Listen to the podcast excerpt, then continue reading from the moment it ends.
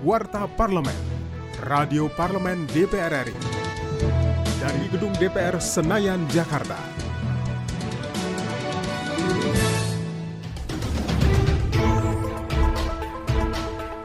Wakil Ketua DPR RI Sumi Dasko terus memonitor perkembangan penemuan vaksin COVID-19 yang dilakukan oleh TNI dan BIN dan meminta pemerintah serta pihak terkait lainnya melakukan uji klinis. Saat di Komplek Parlemen Senen, Jakarta, dia mengatakan DPR RI terus mengawasi perkembangan maupun polemik yang muncul dalam pengembangan vaksin COVID-19 karena segala upaya harus terus dilakukan untuk menemukan vaksin COVID-19 dan mendorong untuk segera dilakukan uji klinis perbandingan agar tidak menuai polemik di masyarakat.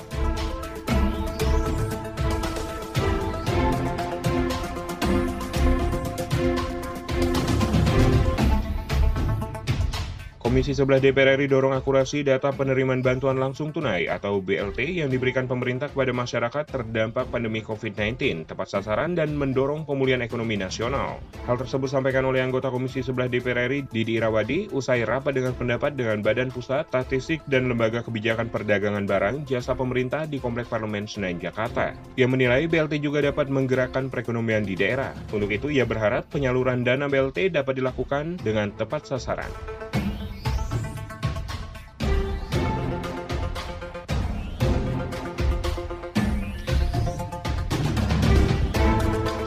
Anggota Komisi 4 DPR RI Firman Subagio menyampaikan ketahanan pangan nasional perlu menjadi perhatian serius, mengingat laju pertumbuhan penduduk Indonesia semakin meningkat. Saat di Komplek Parlemen Senayan, Jakarta beberapa waktu lalu, ia meminta pemerintah untuk fokus dalam menjaga kedaulatan pangan karena beberapa produk hasil pertanian belum bisa dipenuhi dari dalam negeri, dan berharap RUU Cipta Kerja dapat memberikan penyederhanaan terhadap perizinan sehingga menarik perhatian para investor, khususnya di sektor pangan.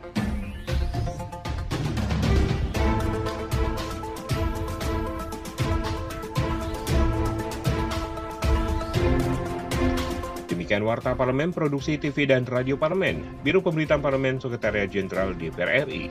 Saya Da Vinci.